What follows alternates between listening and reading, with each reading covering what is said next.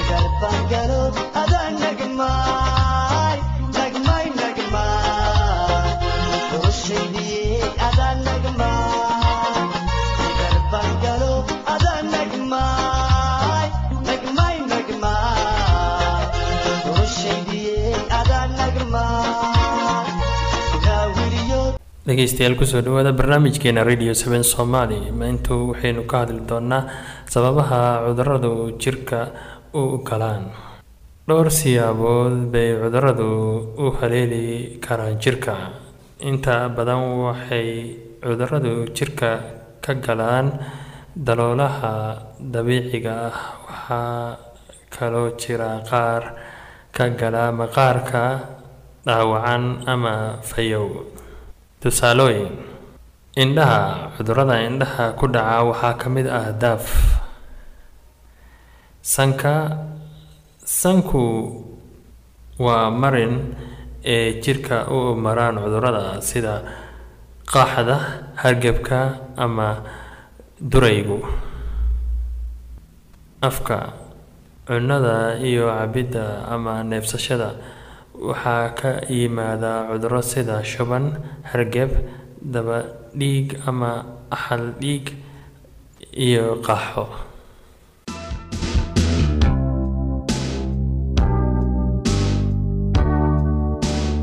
wakhti intee la-eg ayaa la doonayaa in hasaabuhu socdo laba sanno ilaa saddex sanno iyo in ka badanba waa suurtagal inkastoo waayahan labada isguursanaysa ay ugu yaraan hal sanno si dhab ah u wada hasaawaan.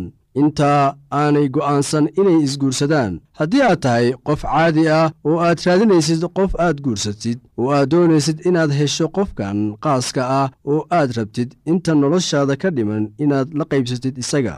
Hase yeeshee waxaa jira dad badan oo ku dheggan fikradda ah in qofka ay guursan doonaan uu adduunka uun meel ka joogo oo ilaah u qoray taasoo runtii ah mid uu shaki ku jiro. Waa maxay fikradda aad ka qabtid kuwa isguursanaya? Hal qof oo qura miyaa kugu diyaar ah adduunka mise waxaad leedahay awood aad doorasho kaga samaysid dadka aad maalin kasta la kulantid? Qofka leh dabeecadda wanaagsan oo deggan waxa uu guursan karaa cid nooc waliba ah isaga oo ku faraxsan. Qofka aan waxgaradka ahayn mardhaba ma faraxsanaanayo cid kasta oo uu guursadaba.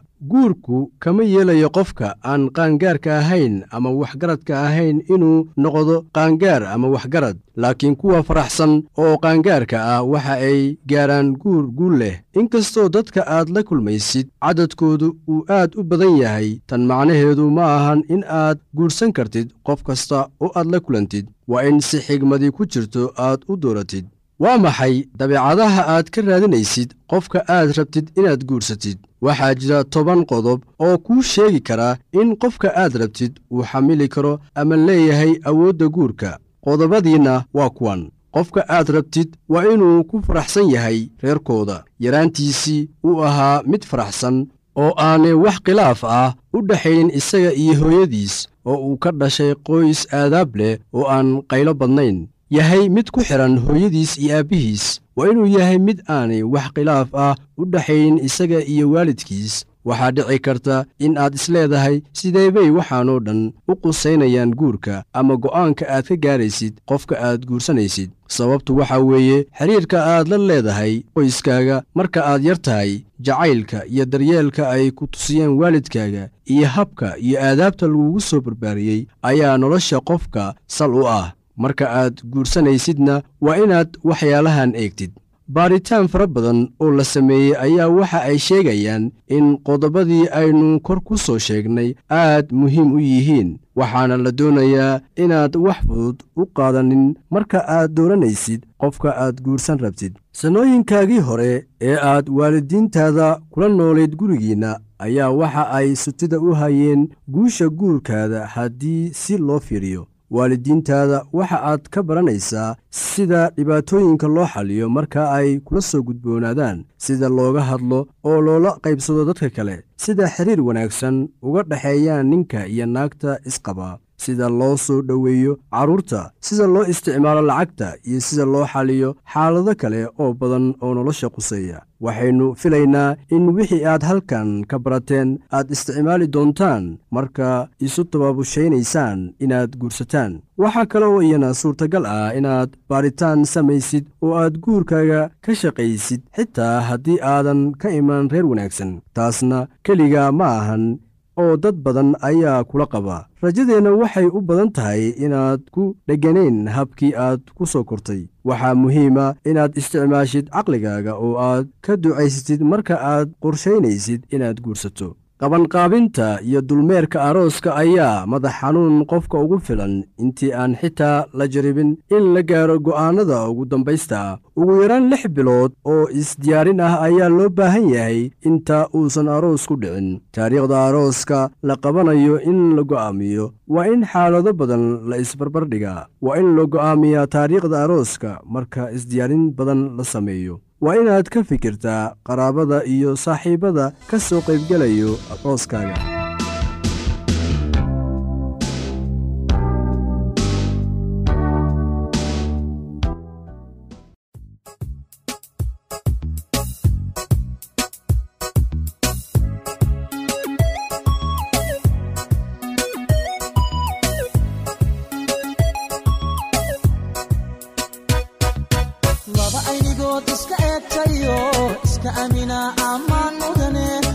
cashaqo isku ooyayo is-ilaashada ammaan mudane axdigay dhigteen u adkaystayo aroos gala ammaan mudane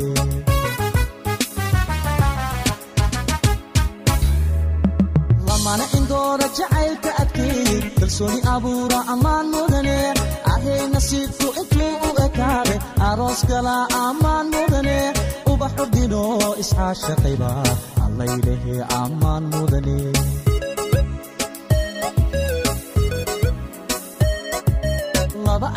aynigood iska eegtayo iska amina ammaan mudane indha cashaqo isku ooyayo is-ilaashada ammaan mudane axdigay dhigteen u adkaystayo aroos gala ammaan u adeegasi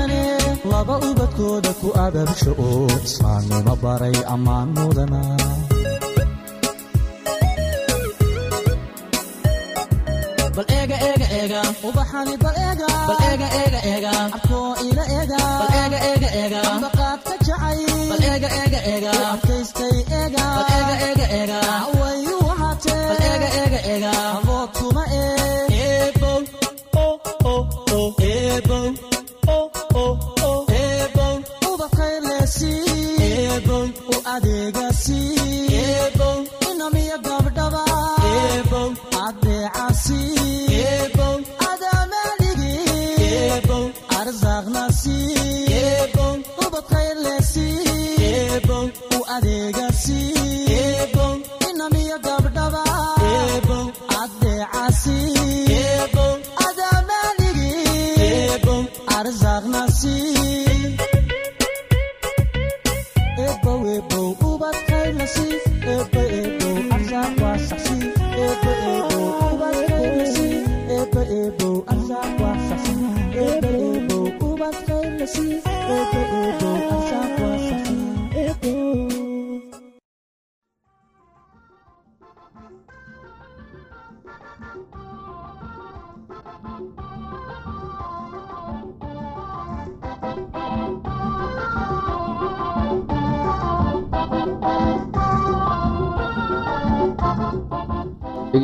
dhegeystayaasheena qiimaha iyo qadarinta mudanu waxaad ku soo dhowaataan barnaamijkeenii caafimaadka oon kaga hadlaynay la noolaanta dadka qaba cudurka aidiska mowduuceena maanta wuxuu ku saabsan yahay carruurta qabta h i v-ga ama aidiska carruurta qabta h i v-ga siday u badan yihiin infekshanka waxay ka qaadaan inta ay ku jiraan uurka hooyadood amase marka ay dhalanayaan. Dhalaanka h i v qaba siday u badan yihiin waxay isu bedelaan kuwo qaba aidis intaysan gaarin da-dooda laba sano qaarkoodse waxay ahaadaan kuwo caafimaad qaba ilaa intay gaarayaan lix sano. Caruurta h i v ama aidis qabta waxay u baahan yihiin kalgacayl iyo daryeelid cunto nafaqo leh jawi saxadiisu wanaagsan tahay. Waa in takhtar loo geeyaa marka ay xanuunsadaan carruurta.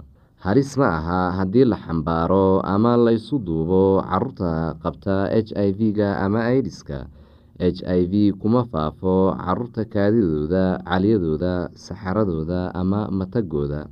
Cunug h i v qaba uma gudbin karo infekshanka haddii uu kuwa kale la cayaarayo ama uu la qeybsado waxyaabaha ay caruurtu ku cayaarto. Caanaha naaska hooyada waa cuntada ugu wanaagsan ee dhallaanka waxay ka ilaaliyaan dhallaanka shubanka iyo cuduro badan oo kale.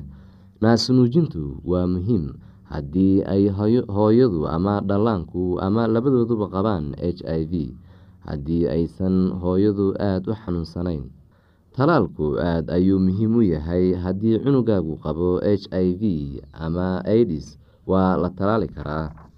Waalid h i v ama aidis qaba ayaa qabi karaa carruur saxadoodu wanaagsan tahay waayo waxay noqon karaan carruur dhalatay ka hor inta aysan hooyadu qaadin h i v ama waxay noqon karaan kuwo dhashay nasiib wanaag kadib markii h i v haleelay hooyadu. Caruurta saxadoodu wanaagsan tahay waxay u baahan yihiin kalgacayl fara badan. Mid amase labada waalid ah waa dhimanayaan shaki la'aan waxay noqonayaan agoon. Waalidiinta h i v ama aidis qaba waxay caawimi karaan caruurtooda saxada wanaagsan haddii ay waqtigooda siiyaan iyagoo u daryeelaya hogaaminayana ay u sameynayaan rajo. Haddii ay mustaqbalka u hogaamiyaan sidii qaraabadooda ay u daryeeli lahaayeen ama ay u hagaajiyaan mustaqbalka sidii loo bixin lahaa lacagta ujuurada dugsiga haddii ay suurtagal tahay waa inaa hantidaada u ilaalisaa caruurtaada iyo qoyskaaga ka hor intaadan dhiman qaraabada iyo kuway qusayso oo ka mid ah bulshada waa inay ku dhaqaaqaan u daryeelidda carruurta qabta aidiska hay'ado badan baa jira oo u gargaara laakiinse mas'uuliyadda oo dil dusha iskama saaraan.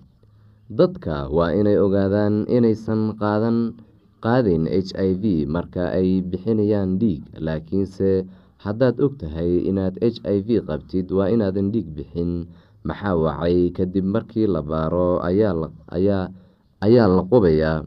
Laakiinse haddaad qabtid h i v ama aidis oo aada u baahato dhiig waxaa ka heli kartaa dhiig la soo baaray oo laga soo miiray dad aan h i v qabin.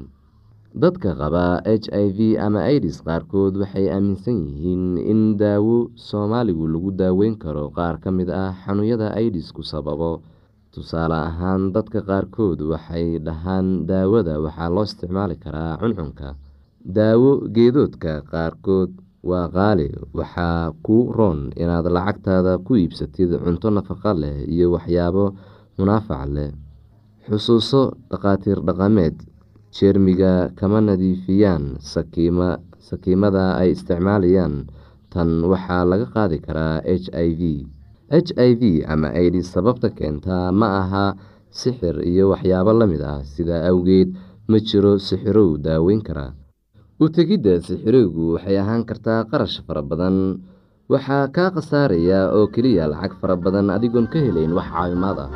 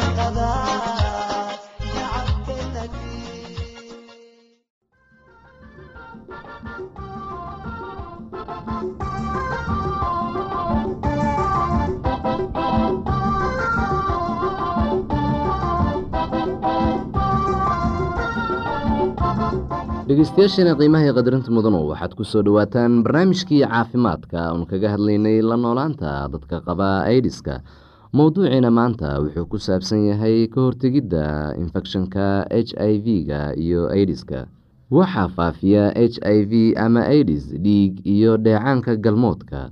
Haddaad qabtid h i v ama aidis ha ka welwelin inaad qoyskaaga u gudbiso fayraska inta ay socoto nolol maalmeedku laakiinse haddaad rabtid inaad naf ahaantaada iyo kuwa kaleba ilaaliso waa inaad yeelataa dhowr digtoonaan waa inaad iska ilaalisaa jeermiga adigoo saxada gurigaaga wanaajinaya.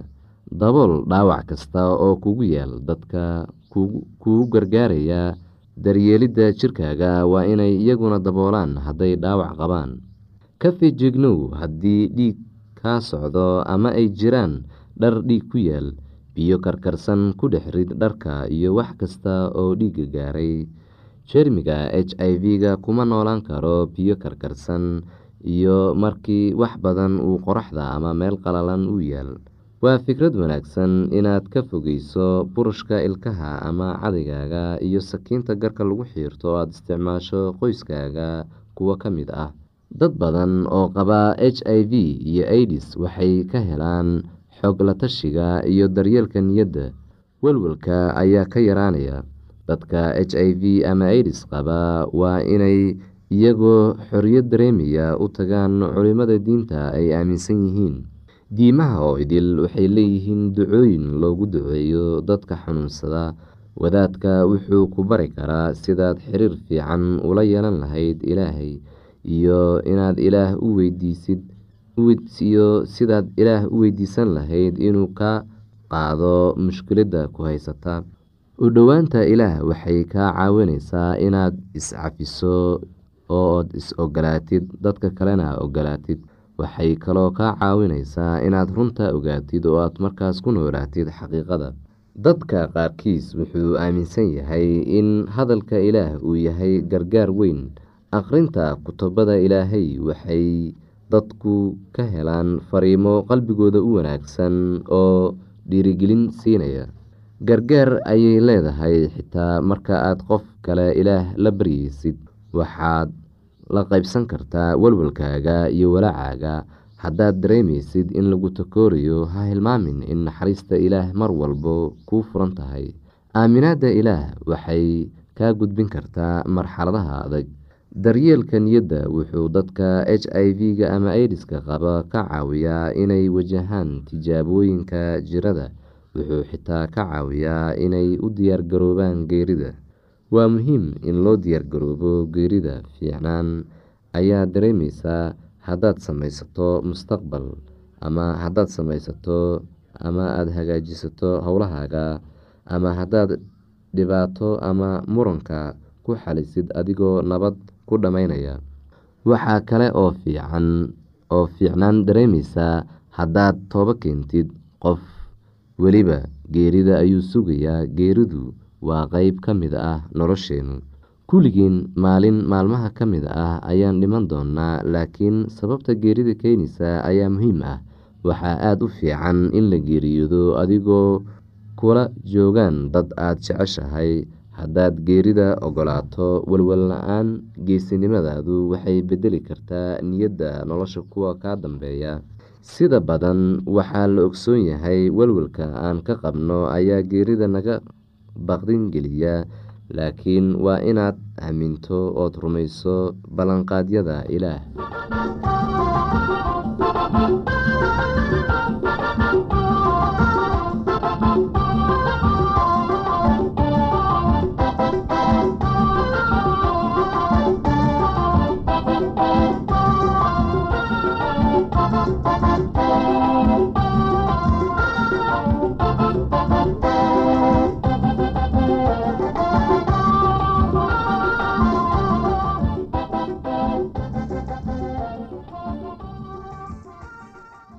haddii aad qabto wax su'aalaha fadlan inala soo xiriir. Ciwaankeenna waa radio somaly at yahu t com. Mar labaad ciwaankeenna waa radio somaly at yahu dt com. Barnaamijyadeena maanta waa naga intaas